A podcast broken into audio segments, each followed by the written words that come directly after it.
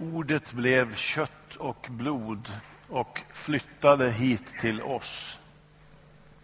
Med egna ögon såg vi härligheten, en härlighet utan like. Sådan fader, sådan son. Givmild utan och innan. Sann från början till slut. Jag ska alldeles strax återvända till den där texten ur Johannes evangeliets första kapitel som idag inte lät riktigt som den brukar. Jag kommer dit strax.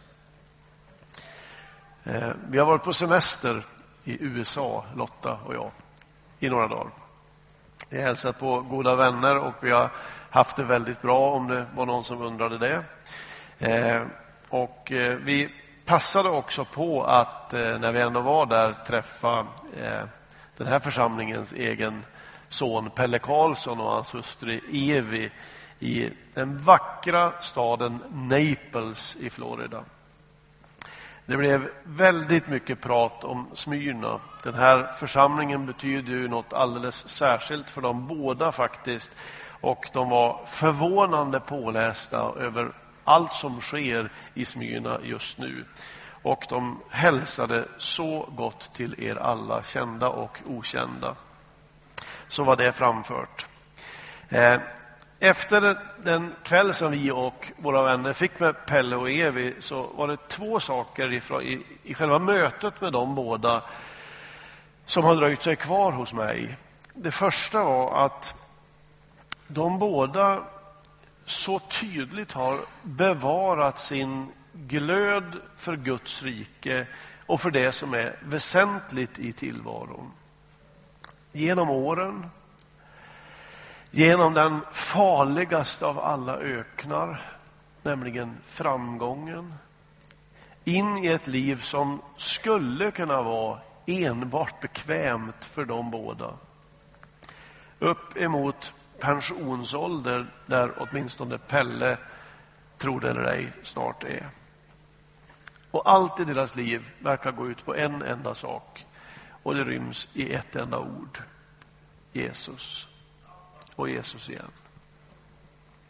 Under det, eller inbäddat i det, ryms naturligtvis allt det andra som har med familj och relationer, barn och barnbarn, släkt och vänner, arbete och allt detta. Men det är på något sätt samlat i ett enda namn, namnet Jesus.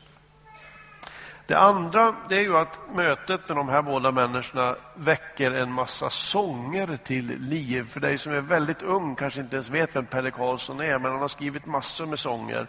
Och numera finns ju allt tillgängligt på elektronisk väg. Och efter den där kvällen med dem så lyssnade vi igen på många av Pelles tidlösa sånger.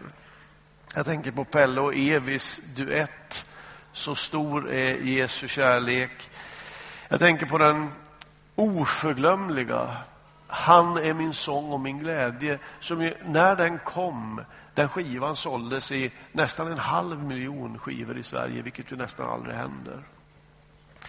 I bilen på väg från det ena till det andra så sjöng vi med i namnet Jesus och När du går över floden och inte minst i Pelles text till sången My Way Eh, den som på svenska har fått rubriken Ett liv. Och så blev det så att några rader i den sången kom att bli som ett, som ett tema nästan för vår vistelse hos våra vänner. Vi återkom till dem i samtal, vi återkom till dem i bön. Och de där raderna har inte släppt mig. Jag ska bara citera dem kort. Det är ur sången My Way. Först så är upptakten ett liv jag fått att leva. Ett kort och flyktigt liv. Ett liv jag ska förvalta. Det är en gåva från dig. Och så kommer de där orden. Skriv över mina dagar. Ditt namn med helig skrift. Du gav livet för dig. Jag vill upphöja dig min frälsare, mitt allt. Jag blev både rörd och faktiskt väldigt utmanad av de där orden. Skriv över mina dagar.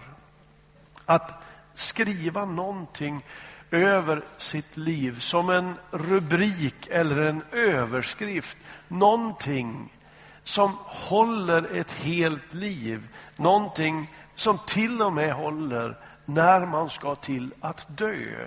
Vad skriver man då över ett liv? Ja, kanske man kan skriva ett gott liv. Men nästan omedelbart så tänkte jag att det känns alldeles för egoistiskt eller självcentrerat på något sätt. Jag tänkte på orden att få vara frisk. Ja, det är ju ofattbart stort om man får det. Men man kan vara frisk och olycklig. Man kan vara frisk och kämpa med livsleda samtidigt. Till sist så landade åtminstone jag i att det finns bara en sak som skulle kunna täcka hela min livslängtan. Och det ryms egentligen i tre ord som är allt annat än nya. Och det är orden till Guds ära. Till Guds ära. De tre ord som kristna i alla tider faktiskt haft på sina läppar när de har fått ge sitt liv för den tro som blev deras i martyriet. Det höll att leva på, det höll att dö på, till Guds ära. Någonstans där ligger också nerven i Pelles text till den här My way. Alltså, om my way bara blir min väg så blir det för fattigt. Du gav livet för mig. Jag vill upphöja dig. Alltså responsen på att Jesus gav sitt liv för oss är att leva ett liv som förhärligar denne Gud som gav oss livet.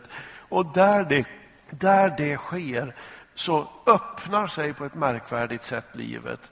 My way blir his way och hans väg blir min väg. Och där någonstans tror jag livet, hela livet ryms. Och så undrar man, hur går det till? Hur lever man så att det förhärligar Gud? Det låter ju väldigt fromt eller andligt, nästan ouppnåeligt. Alltså som om det handlar om en annan sort än de allra flesta av oss. Men ju mer vi pratade om det här under de här dagarna, desto mer landade vi nära det allra vardagligaste, det vanligaste i livet. Att det kanske inte handlar om så mycket vad man gör, utan hur man gör det. Varför man gör det. I vilken anda jag engagerar mig i livet. Ett par tankar om det idag. Nu ska jag äntligen läsa bibeltexten hela. Och jag läser den idag eh, ur en översättning som är alldeles ny. Den kom för någon månad sedan på svenska eh, och på engelska heter den The Message. Och eh, Den här bibelöversättningen som är mycket speciell är skriven av pastorn och teologen Eugene Peterson. Och eh, jag som har ärvt en skepsis mot parafraser jag har ärvt den av Bertil Olingdal. Eh, för dig som är ny så var han pastor innan Jack Tommy som var pastor innan Urban. Eh, och han var mycket skeptisk till parafraser. Han ville nästan inte hålla i dem utan det skulle vara riktiga bibelöversättningar.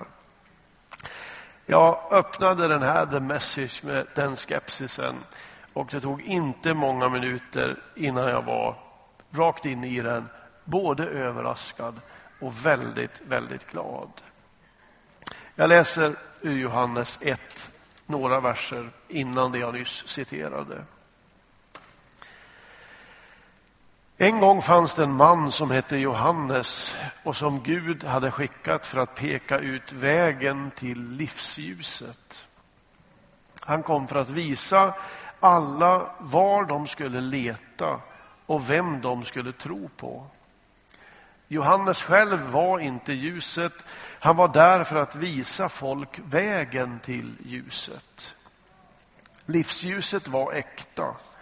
Alla som stiger in i livet för han in i ljuset. Nu fanns han i världen och världen fanns till tack vare honom. Men världen märkte det inte ens.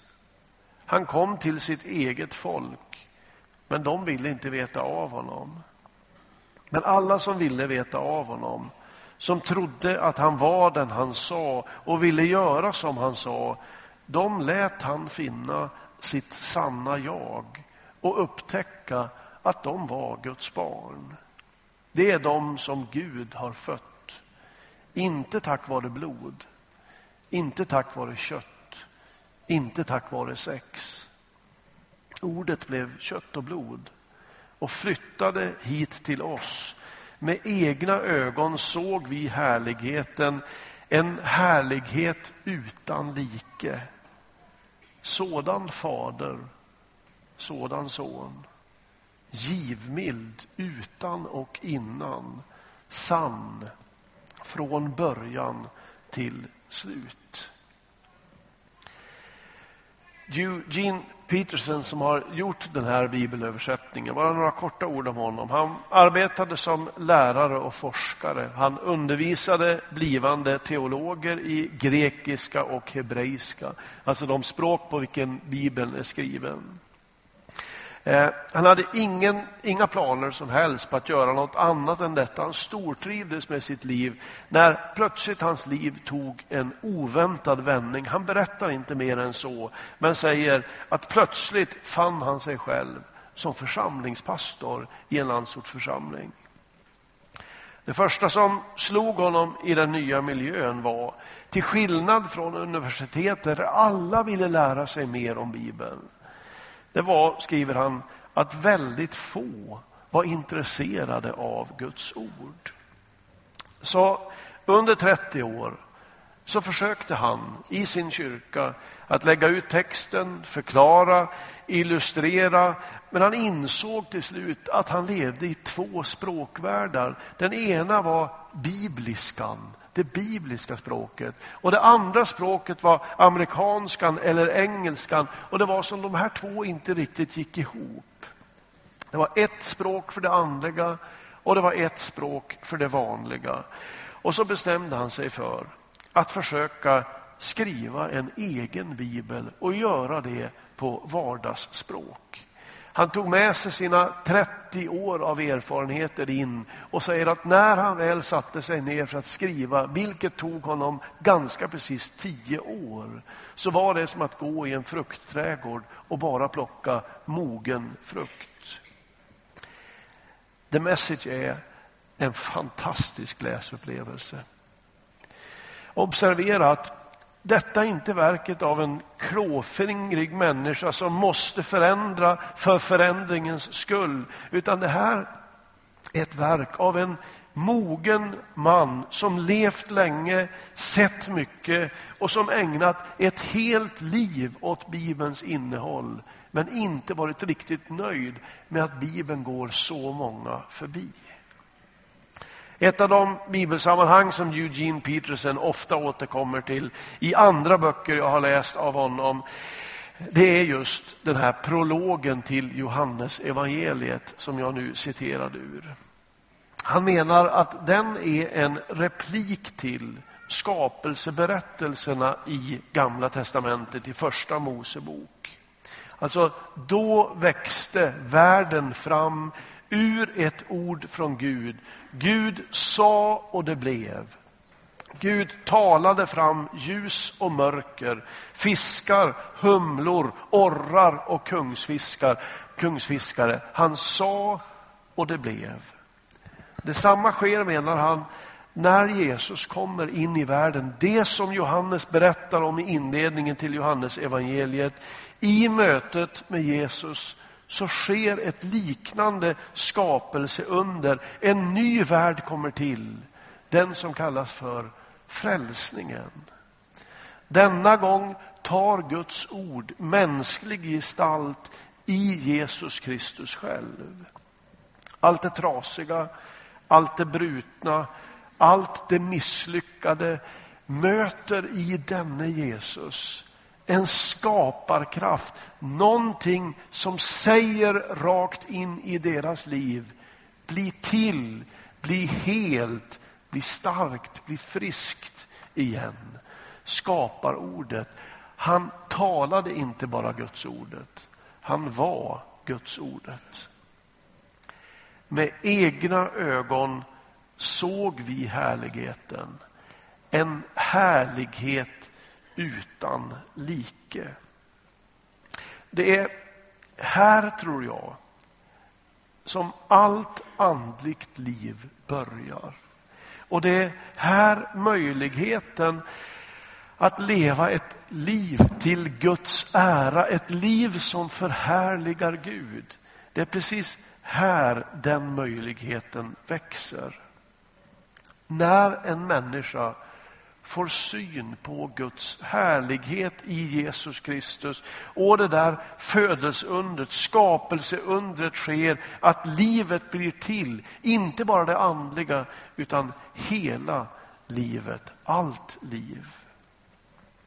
Det märkliga är ju när man läser evangelierna, jag vet inte om ni har gjort den iakttagelsen, eh, hur få människor egentligen som som ser eller tar till sig härligheten när Jesus kommer.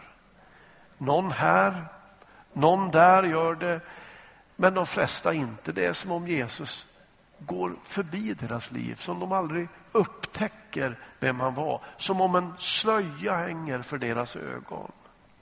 Man kan undra varför. Kanske därför att de nog sökte en annan härlighet än den som hade bosatt sig hos dem, hos oss och som rörde vid våra vanliga liv. Kanske för att man sökte någonting som var lite mer spektakulärt. Men vad var det för liv Jesus levde? Det som uppenbarade Guds härlighet. Ja, det var samma sorts mänskliga liv som du och jag lever. Sann Gud, sann människa. Skinande och ren till skillnad från oss. Men ett vanligt mänskligt liv. Och Det är lite intressant att merparten av Jesu tid, när man läser till exempel Johannes evangeliet, merparten av Jesu tid gick åt till alldeles vanliga saker. Att ta sig från det ena stället till det andra, äta, sova, hälsa på folk, gå på kalas, sätta ihop ett arbetslag, prata med människor. Alltså sånt som du och jag gör varje dag. Johannes berättar allt det här och han gör också det med helt vanliga ord. Någon har räknat ut att merparten av Johannes evangeliet, nästan allt sammans, kan förstås av en människa som inte är mer än fem år gammal. Alltså detta är skrivet så vardagligt. Han kom, han var barn, han växte upp och blev tonåring, han blev vuxen, han blev missförstådd, han blev förlöjligad. Till sist blev han offentligt förnedrad, torterad, avrättad. Han bröt udden av döden och uppstod igen. Och i allt det, alltså i hela Jesu liv, så blev härligheten synlig. Inte bara i triumferna, utan också i kampen i det hårda. Inte minst i hans offerdöd. Men kan någon invända, han gjorde ju en massa under och tecken också. Det var väl ändå dramatiskt? Jo, han gjorde under då och då. Alldeles uppenbart. Men han verkar själv ha haft ett ganska avspänt förhållande till de här underverken. Eh, de var medel bara för någonting. De skulle visa på någonting och därför kallade han undren för tecken. Alltså de skulle peka på någonting bortom. Och visst hände det att Jesus gick på vattnet. Det gjorde det. Men de allra flesta gångerna så åkte faktiskt Jesus båt. Eh, undren var tecken.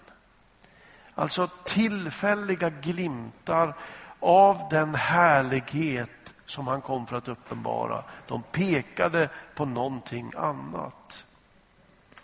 Undret i Kana när han gör vatten till vin tillhör verkligen mina favoritexempel på detta. Det är på ett sätt ett underverk som är så onödigt så att man förstår att det här måste handla om någonting annat än att ge vin åt redan berusade människor. Men allting klarnar när man läser slutdelen av den här skildringen hos Johannes. Där står det, så gjorde Jesus det första av sina tecken. Det var i Kana i Galileen. Han uppenbarade sin härlighet och hans lärjungar trodde på honom. Alltså de fick se en glimt av härligheten, vem han var som skapade och det förlöste i deras liv tron på något större. Inte sällan ser underverk så här vardagliga ut. Det mest allmänna vidrörs av Guds händer och räcks oss som en oväntad lyx. En förstulen kyss vid strykbrädan. Ett värmande ögonkast vid raden av arbetsbord på jobbet. En vardagskväll med chili con carne och gårdagens bröd. Alldeles vanligt. Fullständigt berusande. Vanlighet som vibrerar av härlighet. Tänk om det är någonstans här Jesus vill att vi ska spana efter härligheten. Den som han kom för att uppenbara. Inte i det dramatiska, men i det välkända. Det som är hemma för oss. Och så kunna upptäcka att ett liv till Guds ära är inte ett annat liv än det här. Inte ett annat än det som består av hämtningar och lämningar, oro och lycka, stiltje och storm. Jesus har gjort någonting med hela det mänskliga livet, hela detta liv. Du gav livet för mig. Jag vill upphöja dig. Till sist. Det finns en koppling mellan att han blev kött och att vi såg hans härlighet. Eller med Eugene Petersons översättning i den engelska står det, som inte finns med i den svenska översättningen, i den engelska står det att Jesus flyttade in i vårt grannskap. Är inte det en fantastisk beskrivning? Ordet blev kött och tog sin boning ibland oss, vilket betyder att Jesus flyttade in i vårt grannskap. Jag glömmer aldrig när det tomma radhuset på Skarpåkersvägen som satt ihop med vårt, när det stod klart att där skulle flytta in en ny familj. Och hur vi spänt gick och väntade på den där dagen när nya familjen skulle komma och vi undrade, har de barn? Har de pojkar? Kommer det bli lekkamrater? Och den dagen, ett par dagar innan de kom själva, när flyttlasset kom, så stod min bror och jag tryckta mot fönstret och kollade på alla saker. Vi såg pojkcyklar. Vi såg leksaker och vi började förstå att de har pojkar. Jag minns att vi på kvällen smög dit och tittade in genom fönstren och så sprang vi hem och rapporterade till mamma om vad vi såg för tecken på den familj som skulle komma. Och så kom Per och Jan som flyttade in och blev våra bästa kamrater. Och plötsligt så var de en självklar del av vårt liv. Ibland behöver man höra orden, de välbekanta orden. Ordet blev kött och tog sin boning ibland oss med något lite mer bekant språk. Han bosatte sig i ditt grannskap, i ditt kvarter och det är där han bor. För i ljuset av detta, i ljuset av detta så är det inte underligt att många, de flesta av de texter som i Nya testamentet konkretiserar vad det är att ära Gud med sitt liv, riktar blicken inte mot templet eller synagogan först och främst, inte mot det extravaganta, utan mot det andra, allt det andra. Hur vi lever tillsammans, hur vi pratar med varandra, hur vi hanterar våra pengar, hur man och hustru uppträder mot varandra när ingen ser. Det var in i det livet som Jesus kom. Och det är bara med det livet, obs, som vi kan ära Gud eller förhärliga Gud. Och de texter som tar upp detta är påfallande alldagliga. Man ger Gud ära enligt Romarbrevet 15 genom att godta varandra. Ett fantastiskt och utmanande uttryck. Gud blir ärad när vi godtar varandra. Alltså inte försöker förändra varandra hela tiden till den som jag vill att du ska vara, utan orkar ta emot varandra i befintligt skick. Så blir Gud ärad. Ta emot varandra till Guds ära, står det. Gud blir ärad utifrån hur du tar hand om din kropp. Vad du gör med den och vad du inte gör. Kroppen, säger Bibeln, första Korinthierbrevet 6, är inte till för otukt utan till för att ära Gud. Och så kommer uppmaningen.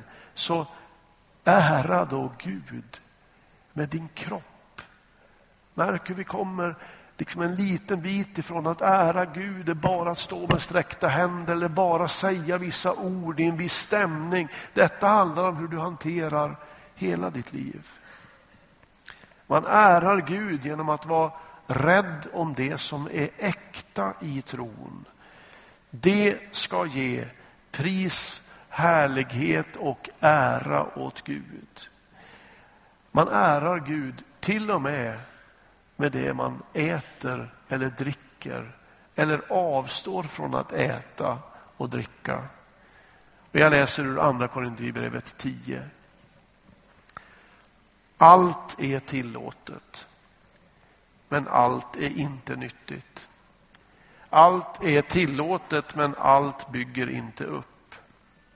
Sök inte ert eget bästa, utan andras. Allt som säljs i köttståndet kan ni äta utan att undersöka det för ert samvetes skull. Jorden är Herrens med allt den rymmer. Om en som inte tror bjuder hem er och ni tackar ja, ät då allt som sätts fram för er utan att för samvetets skull undersöka vad det är. Men om någon säger det här är offerkött, ät det då inte av hänsyn till den andre som säger, eh, som säger det och för samvetets skull. Jag menar inte det egna samvetet utan den andres. Varför då? Ska jag låta min frihet bestämmas av en annans samvete? Äter jag med tacksamhet, varför ska jag klandras för det som jag tackar Gud för? Om ni äter eller dricker eller vad ni än gör, så gör det till Guds ära. Märk att alltsammans handlar om våra mest alldagliga liv. Märk också att det tas som en självklarhet i Bibeln att den som tror umgås med människor som inte tror precis som vi. Att vi är med på bjudningar där det inte är självklart att vi har samma livsstil som alla de andra. Miljöer där vi ibland tvingas fundera över våra val, till och med tänja våra gränser lite grann för den andres skull. Men allt sammans i ett och samma syfte. Till Guds ära, så att Gud blir förhärligad. Där någonstans växer ett liv. Där någonstans växer ett gott liv. Det är därför kristet liv egentligen och djupast bara handlar om en enda sak. Och det är att lära känna Jesus. Leva nära Jesus. För när vi lever våra liv där, ett steg i taget, mellan sovrum och kök, från parkeringsplats till arbetsplats, från kyrka till kyrkogård, från födelse till död, så förhärligas Gud. Ordet blev kött och blod och flyttade hit till oss. Med egna ögon såg vi härligheten, en härlighet utan like. Sådan fader, sådan son. Givmild utan och innan, sann från början till slut. Så speja inte för högt eller för långt bort. Han har redan flyttat in i ditt grannskap. Han bor där. Det är där du kan se hans härlighet. Och det är när man upptäcker det som ens eget liv börjar förändras. Låt oss be.